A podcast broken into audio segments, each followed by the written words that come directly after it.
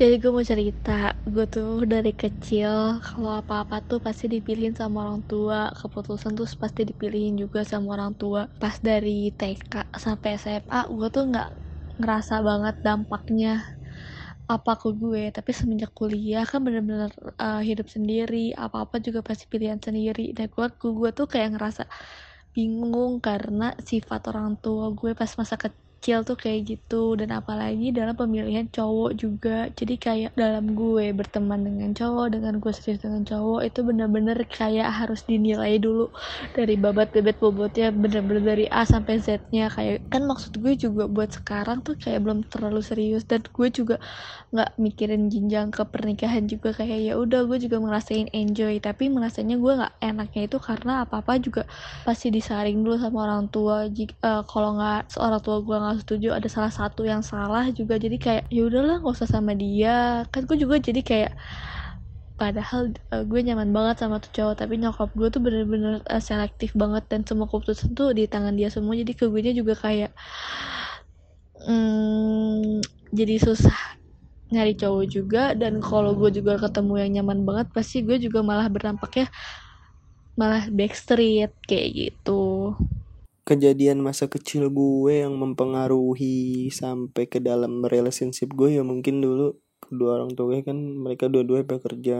Jadi kalau siang jarang di rumah sedangkan gue pulang sekolah siang kan. Jadi mungkin gue lebih banyak waktu plongnya gitu sendiri di rumah yang akhirnya gue bisa bebas gitu bawa pasangan gue ke rumah. Tapi tetap ada batasan. Kayak gitu sih kalau gue. Jadi kalau pengalaman gue uh, sekitar waktu gue SMP akhir sampai SMA awal itu gue mulai struggle sama insecurity issues. Jadi uh, gue ngerasa lingkungan gue itu membuat gue merasa kalau gue tuh not good enough baik itu secara fisik maupun secara sifat. Sehingga uh, pas gue udah di usia 20-an kayak gini, pas gue udah kuliah, uh, gue ngerasa banyak orang yang mungkin sebetulnya orang itu baik, punya intensi yang baik sama gue, tapi I tend to push them away karena gue ngerasa apa bakal sih orang ini mau sama gue atau apa bakal sih gue bisa bikin bahagia mereka, gue yang cuma kayak gini nih, kayak gitu sih.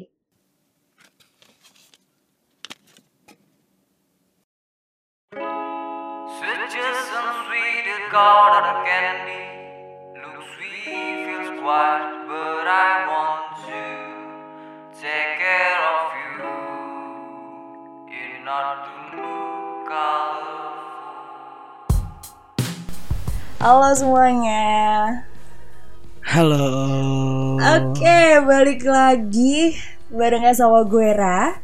Gue Dan Di podcast LDR alias Lidah iya. Dera buat kamu semua yang barusan denger cerita-cerita berbentuk VN hmm, mungkin anda bertanya-tanya ini apa nih ya kan biasanya kan mm -mm. dari episode perkenalan sampai episode ketiga kemarin nggak ada tuh ya Den ya suara-suara yeah. orang lain selain kita nah tadi gue udah sempat nyinggung kalau misalnya dari episode 1 sampai episode 3 yang mana menandakan ini adalah episode keempat yang udah kita bikin. Ya, iya. Jadi di episode 4 ini kita mau nyoba format baru di mana ada cerita-cerita dari teman-teman kita uh, yang akhirnya nanti kita akan bahas ya. Yes, benar banget. Dan di uh, apa namanya episode keempat ini karena kalau mhm. misalnya mm -hmm. lo dengerin semua VN-nya tadi, itu lo akan menarik satu garis besar apa yang mereka omongin itu berhubungan dengan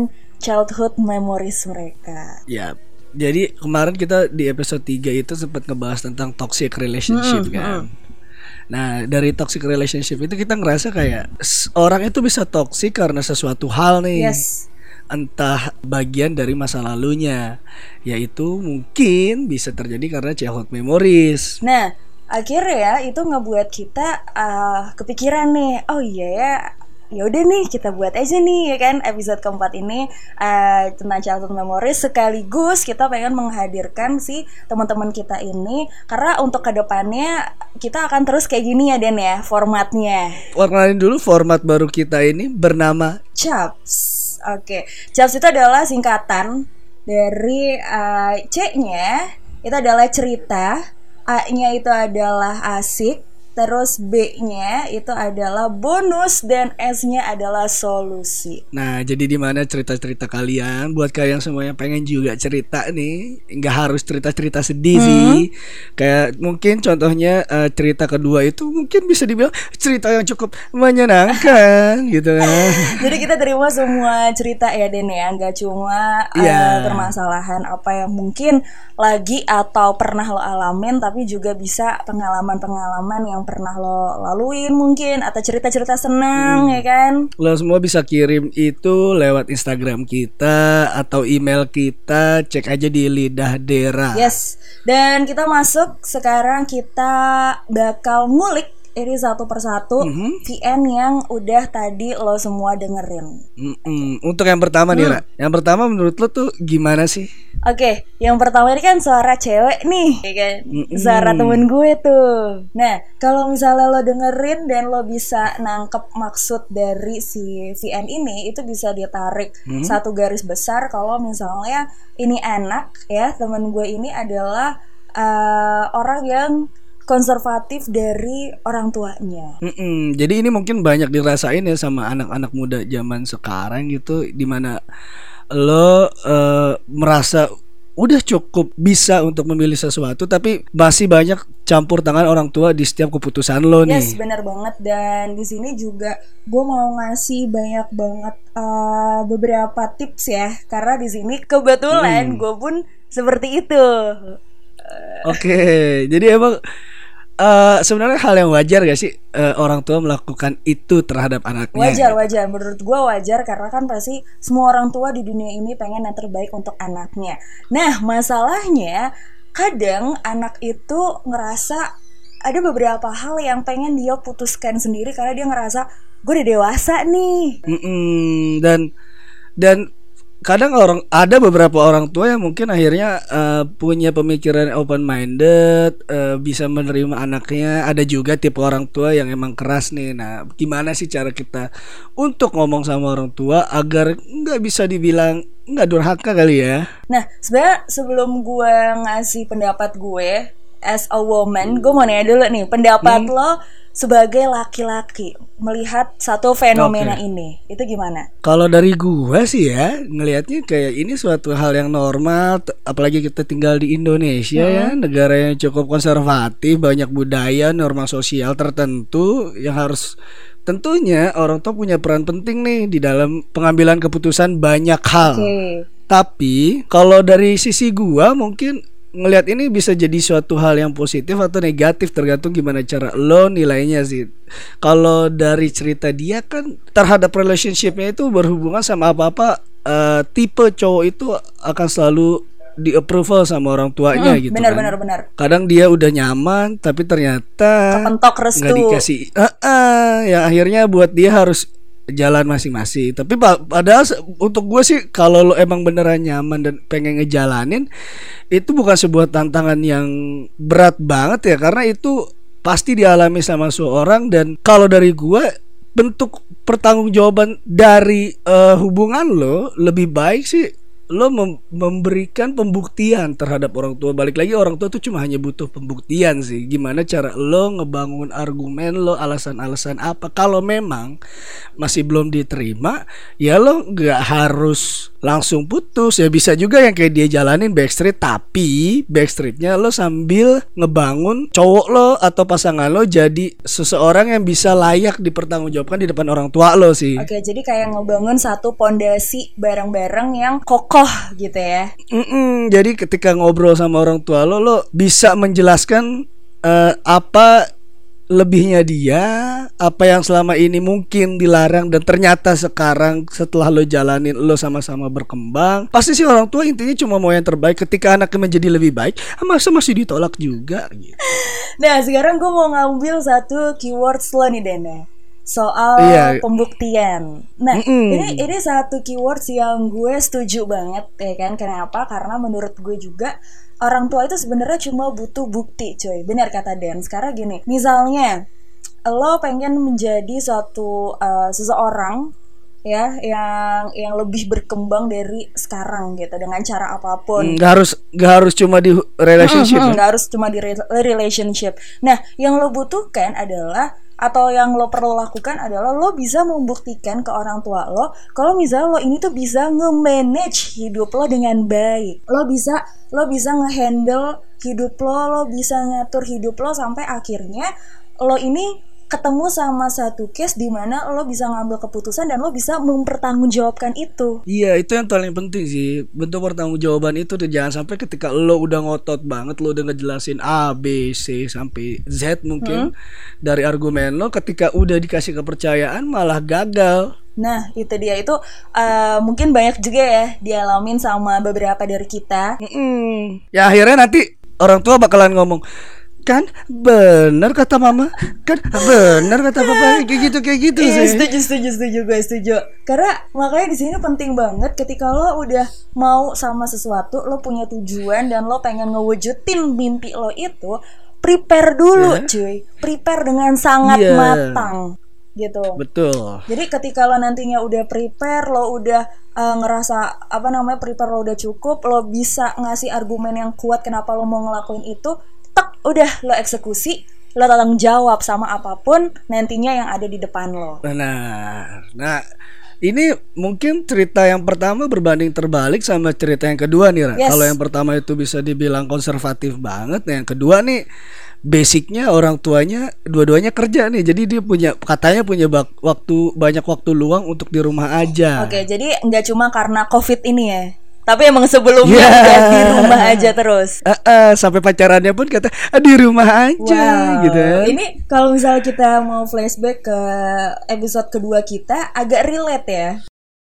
Mm-mm, jadi kalau episode kedua kita ngomongin LDR eh, apa pasangan jarak dekat itu adalah impiannya mungkin ini adalah tipe kan orang tua yang selama ini juga diimpikan sama banyak anak muda nih tapi kita pengen ngelihat ini ap- apakah benar-benar sesuatu yang positif untuk relationship Atau tidak? Eh, atau tidak gitu.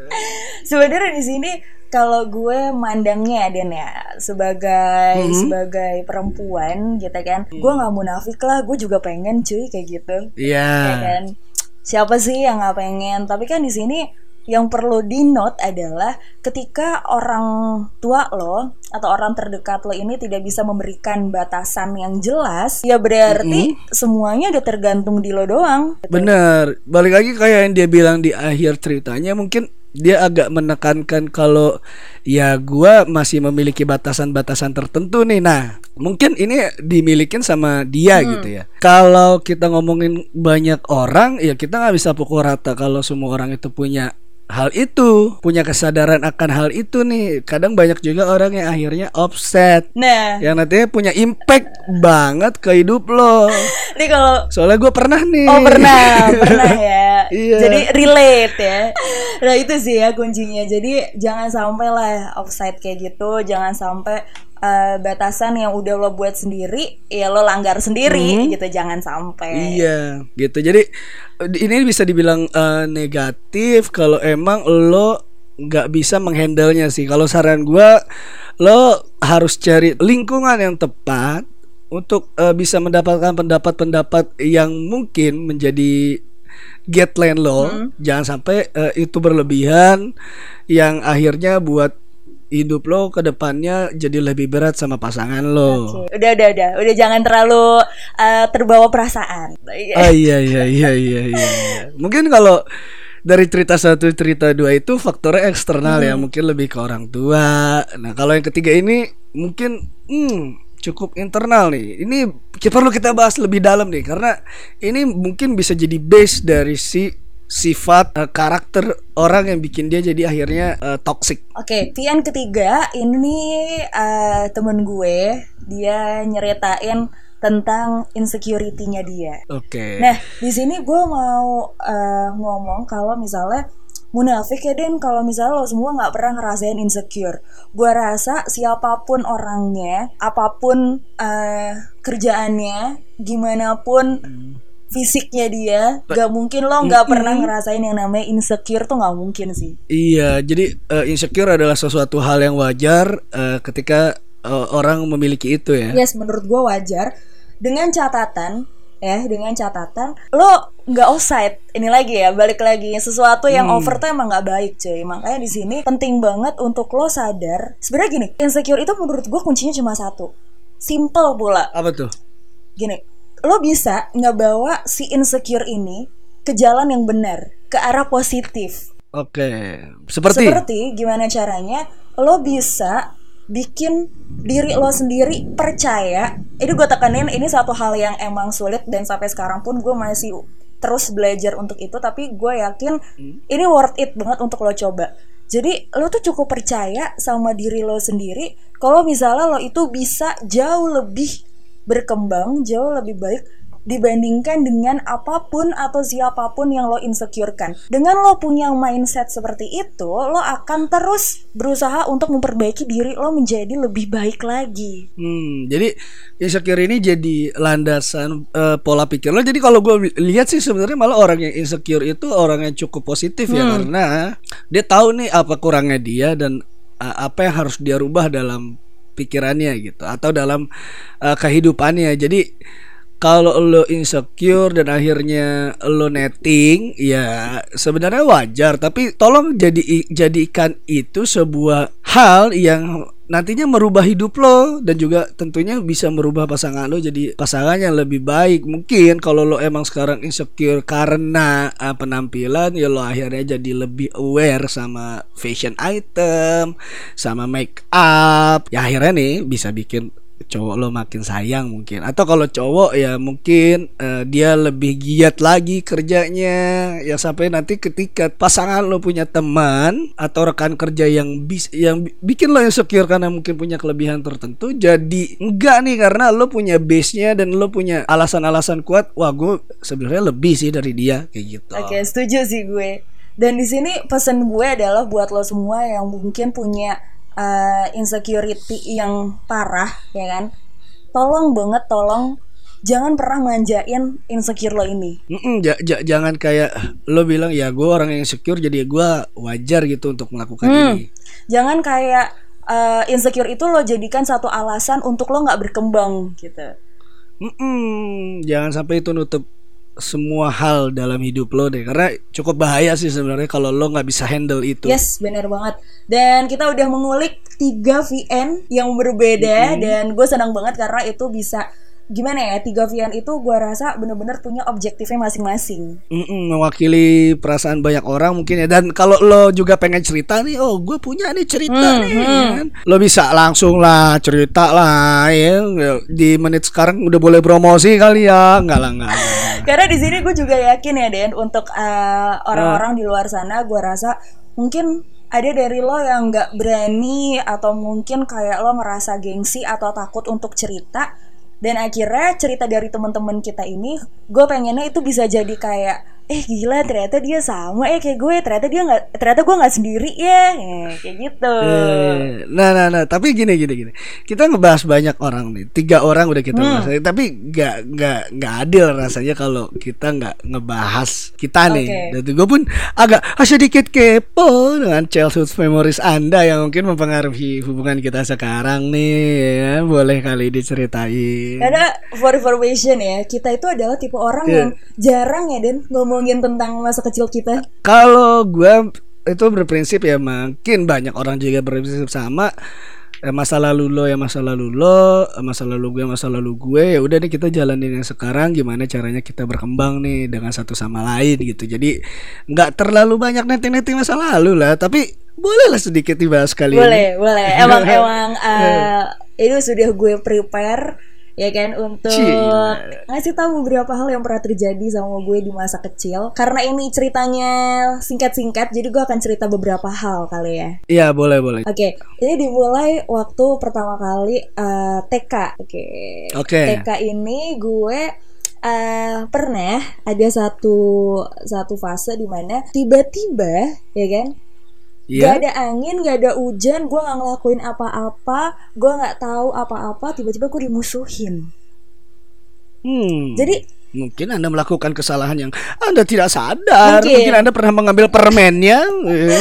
mungkin mungkin tapi tapi kayak gini ya lucu aja sih kalau gue inget-inget ini satu hal yang nggak pernah gue lupain juga. Jadi zaman Hmm. TK aja itu udah geng-gengan Den. Iya, itu hal yang wajar lah di Indonesia. Kita itu adalah manusia komunal gitu kan. Tapi di sini manusia berkelompok. Tapi makanya di sini akhirnya gue jadi nggak kaget ya ngelihat eh, apa namanya anak SMP, anak SMA sampai lo kuliah, sampai lo kerja lo masih geng-gengan karena dari TK aja lo sudah punya bibit itu, cuy. Mm-mm, dan juga itu semua dilatih dalam FTV FTV kita. Benar gitu sekali. Nah, oke, balik lagi ke cerita gue. Jadi waktu itu gue pernah dimusuhin sama satu geng yang mana gue bingung nih, nih kenapa orang-orang pada musuhin gue kan? Gue nggak ngapa-ngapain gitu.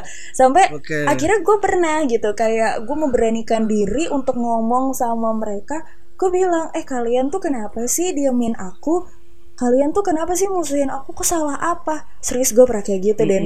Terus eh, jawaban mereka apa? gue nggak gue nggak terlalu ingat samar-samar cuma yang yang gue ingat itu butuh beberapa hari sampai akhirnya ya udah mereka eh, kembali normal lagi nah dari situ eh, akhirnya gue kayak impactnya ke sekarang nih Apa tuh impactnya tuh? gue jadi takutan banget gitu gue jadi takutan ketika eh, misalnya gue temenan sama sama orang atau beberapa orang gitu kan tiba-tiba gue nggak ngerasa ngapa-ngapain tiba-tiba mereka ya udah gitu musuhin gue tiba-tiba ngediemin gue nah itu gue jadi takut banget tuh Hmm. kayak gitu dan di Tapi akhirnya lo introspeksi diri gak?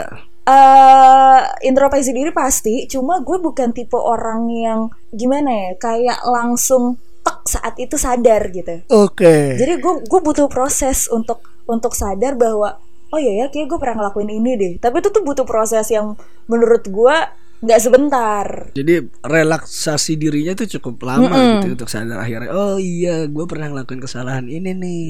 nah akhirnya di relationship gue sama dance juga akhir kayak gue ngerasa misalnya kita ada ada satu masalah terus terus si dance ini apa namanya ngediemin gue nah itu itu itu Hmm. itu gue yang langsung kayak gue salah apa ya? Pikiran gue tuh lama gitu. Makanya gue gue adalah tipe Iya, orang lo lola gue emang tapi coba lo perhatiin deh gue gue tipe orang yang pada akhirnya butuh dikasih tahu. Eh, eh, sih sebenarnya. Kadang-kadang ngasih taunya juga butuh waktu dan emosi yang cukup banyak.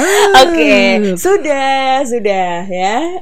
Kita oke. kita lanjut next oke Eh, eh. cerita yang kedua adalah gue itu waktu SD eh, lama banget lambat banget Hah? untuk bisa ngomong R Oke. jadi gue cadel dulu Dan akhirnya lo jadi korban bully. Benar sekali. Ya. Pada akhirnya gue jadi korban bully. Joy, gue setiap kali datang ke sekolah kayak, eh Rara Cadel, eh Rara Cadel udah dateng tuh, kayak gitu, ya kan? Gimana gue nggak stres coba. Tapi akhirnya di situ gue jadi orang yang somehow gue ngerasa, kok ya satu kejadian yang akhirnya ngebuat gue sampai sekarang menjadi perempuan yang ambisius. Kar- karena gimana? Karena ketika gue diledekin itu gue mati-matian belajar ngomong R. Oh, jadi lo harus membuktikan ke mereka semua kalau gue bisa nih, Yes, gitu kan, ngomong bener. R. ya. Bener sekali dan ternyata uh, lucunya sampai sekarang ketika gue sadar gue adalah orang yang ambisius, gue nggak sadar sendiri cuy. Gue dikasih tahu sama dance ya kan. itu satu hal yang lucu juga sih menurut gue kayak oh iya ternyata gue adalah orang yang ambisius tau ternyata selama ini. Tapi yang lucu juga di sini ternyata ente kadang-kadang masih cadel dalam beberapa waktu sih. Kalau Emang iya ya? gue kan masih sering dengerin siaran lo dulu ya, Eh, eh. mas masih siaran gitu. Eh, eh. Kadang ini bakat-bakat cadelnya masih kental nih gitu. Jadi ya memang tidak 100% tapi gue sudah membuktikan. Oke. Oke, itu sih itu beberapa hal yang eh, pernah terjadi sama gue di masa lalu yang akhirnya impactnya ke masa sekarang. Nah, sekarang Ya ya ya. ya. gak afdol kalau misalnya gue doang yang cerita. Hmm, saya kira saya tidak, saya baru saja ingin menghindar dengan menutup podcast ini.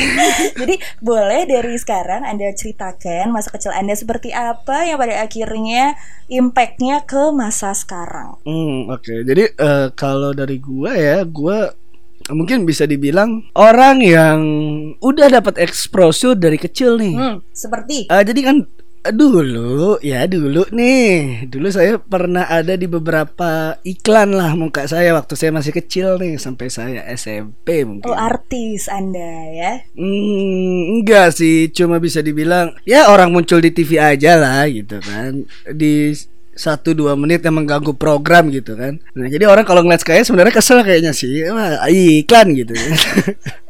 Ini perlu gua kasih tahu gak sih iklannya apaan? eh Oh, jangan jangan. Terus eh, kita lanjut ya. Eh, terus eh, dari situ gue ngerasa gue banyak dapat privilege lebih nih di umur segitu dengan banyak eh, banyak akhirnya orang yang temenan mau temenan sama gue yang mau akhirnya banyak nanya nanya dan dikit nggak nggak dikit juga yang akhirnya dari mereka tuh yang ngebully sih karena gua waktu itu beberapa kali iklan gua pas gue SMP itu eh gua masih di masih pakai baju SD nih Oke. jadi wah ini kayak bahan bahan banget kan sama teman-teman SMP gua gitu kan. Ya akhirnya ngebuat mereka ada sis ada beberapa orang yang pro mungkin kalau gue bilang sekarang tuh modelnya kayak ada haters gitu ya. Ada juga yang sama orang-orang yang support nih aja. Makanya gue di SD eh gue di SMP udah mendapatkan gue udah mendapat di titik itu. Tapi tapi banyakan yang mana nih? Banyakan yang ngebully atau banyakan yang nggak support? Nah dari situ nih gue jadi nggak terlalu aware sama banyak hal nih karena gue mikir dari SD tuh orang eh, temenan sama gue karena eh, beberapa hal tertentu nih karena di, gak banyak gak sedikit yang akhirnya temenan temenan temenan temenan ujung-ujungnya nanya kok bisa den? Begini kok bisa den? Begitu ya kan? Yang bikin gue ngerasa lu temenan sama gue pengen tahu tentang itu apa? Pengen lu temenan sama gue sih? Kayak gitu. Lo udah mikir itu dari SD? Iya sih karena apa ya? Mungkin lo belum pernah dapat study case kayak gitu. Mungkin lo dapat study case itu ketika lo udah SMA atau kuliah di mana lo udah bisa berbuat karya gitu ya. Eh, sekarang itu menjadi banyak sentimen nih dari orang-orang baru lo bisa ngerasain itu nih. Nah kalau gua kan emang dari titik itu gua udah ngerasain hal-hal yang kayak gitu ya. Sampai akhirnya buat gua sekarang sih impactnya gue cukup introvert ya. Gue cukup milih banget dalam berteman. Banyak banyak hal-hal tertentu yang gue filter dulu apalagi perihal pasangan gitu ya. Gue makin ini nih kayak ngelihatnya lu beneran ya sih? gitu kan. Tapi eh, bukan artinya gue insecure akan eh, diri gue ya. Tapi gue malah insecure atas sentimen dia nih terhadap gue nih gitu. Oke, jadi di sini lo kayak eh, lebih suka gitu kan? Karena kan lo tadi bilang lo tipe orang yang pada akhirnya ngefilter. Nah, Mm-mm. akhirnya di sini lo berarti menentukan dong. Nah, di sini sebenarnya tipe tipe temen-temen yang kayak gimana sih yang pada akhirnya masuk ke saringan lo, masuk ke filter lo yang lo buat. Eh, syarat pertama menjadi teman gue adalah tidak tahu iklan-iklan gue dulu. Eh, pantesan jadi Anda tidak kalau mau ngasih tahu saya dulu ya. Iya, jadi kalau eh, dia tahu dari awal, wah, gue udah mulai takut nih, gitu nih. Sampai sekarang. Iya, bahkan gue sampai sekarang sih karena gue pun sekarang eh, bekerja di media gitu ya, yang ya gak banyak orang yang akhirnya pengen eh, berteman sama gue karena mungkin eh, lingkungan gue berada di orang-orang yang cukup asik nih kalau diajak ngobrol, diajak nongkrong. Ya nongkrongnya mungkin bisa dibilang di Senopati di SCBD gitu kan. Mm-mm. tapi lebih suka temenan sama orang-orang yang sangat low end gitu kan. Soalnya emang basic gue orang miskin gitu kan. Ya pengen jadi kaya gitu. Jadi yang setipe gitu. Heeh, dan dia itu sih eh, semua itu akhirnya ngebentuk gue sekarang tuh jadi orang yang cukup introvert nggak terlalu banyak eh, punya teman eh, temen gue gue ngerasa gue cukup punya teman yang itu itu aja gue jadi lebih gampang berteman dengan skala yang kecil dan gue sa- lebih sangat nyaman tentang itu gitu Oke, jadi lo menikmati itu ya. Ah, ah, jadi eh, teman-teman kayak gua nih di SMA 300 orang gue temenan cuma benar-benar pure berlapan yang akhirnya atau bersembilan gitu sama gue ya yang akhirnya itu yang jadi teman gue sampai sekarang sih jadi komunikasinya rata-rata ke mereka aja jarang banget gue luas banget ke beberapa orang Oke oke. Dan di sini eh, jujur ya Denz ya, gue jadi kayak Hmm. kayak sadar ternyata Hmm. orang yang dulunya pernah tampil di TV atau pernah jadi satu bagian di depan layar gak melulu atau gak mesti dia akan terus ketagihan seperti itu. iya sih ya mungkin study case nya di gua kayak gitu kali Iya, ya heeh. nggak bisa juga case nya ada juga di beberapa orang yang akhirnya pengennya terus-terus ada dan terus-terus mendapatkan eh, privilege itu nih. Yes. Makanya di sini kayak gue eh, sadar juga oh ternyata ada ya mungkin beberapa orang kayak lo yang ternyata eh, setelah menjalani di depan layar lo lebih suka Mhm. bagian di belakang layar. Iya karena apa ya buat gue orang yang bisa di depan dan di belakang layar secara bersamaan itu orang yang sangat keren sih mungkin bisa dibilang kayak Dian Sastro terus sekarang Rio Dewanto mungkin Kayak bos lo juga ya. Hmm, betul kan Iya jadi saya cukup amazed sama orang-orang itu yang bisa mem- membagi nih dirinya nih gimana gua ada di depan layar di belakang layar. Karena gua pun sendiri akhirnya lebih jadi suka jadi orang di belakang layar.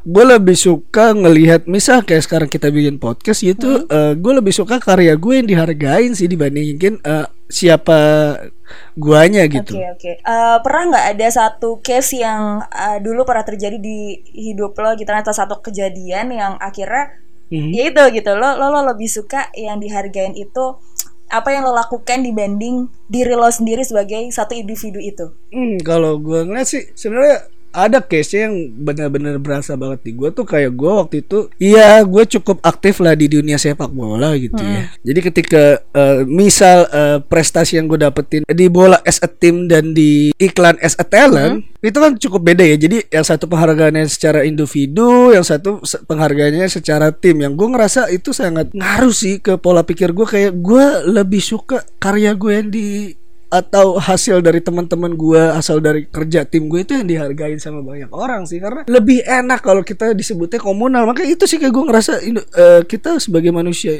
yang tinggal di Indonesia sangat Komunal. mendukung. Komunal gitu ya. Gue tuh termasuk orang yang itu sih. Jadi kalau prestasi individu gue terus oh, apa ya gue nggak terlalu orang yang ada di depan layar tuh rata-rata orang yang di treat soalnya. Orang yang di setiap langkahnya itu udah direncanakan kayak gini kayak gini kayak gini sedangkan kalau kita ngomongin karya karya itu bentuknya sangat dinamis nih Hmm, hmm, nggak nggak statis nggak nggak stuck di tempat Iya. gitu ya. Sangat-sangat dinamis jadi karya yang gue bisa hasilin dari ini pun memacu otak kreatif gue lebih lagi lebih lagi lebih lagi sih gitu Oke, nah kita udah ngulik cerita Wah, dari teman-teman kita. ya. iya kita juga udah ngulik cerita dari masing-masing dari kita dan di sini Heeh. harapannya adalah ini kan sebenarnya base-nya kita nyeritain tentang masa lalu ya yang pernah terjadi sama kita. Iya. Di sini harapannya eh, semoga untuk lo semua yang sampai sekarang masih menyelami masa lalu lo itu, masih menyesali masa lalu lo itu, udah stop lah cuy sampai sini gitu karena Mm-mm. akan sangat percuma ketika lo terus menyesali sesuatu yang nggak bisa lo rubah menjadi sesuatu yang lebih indah, sesuatu yang lebih baik. Jadi daripada lo ratapin terus menerus ya kan, mending lo pelajarin. Iya, jadiin itu sebuah pelajaran yang membuat hidup lo lebih baik lagi sih.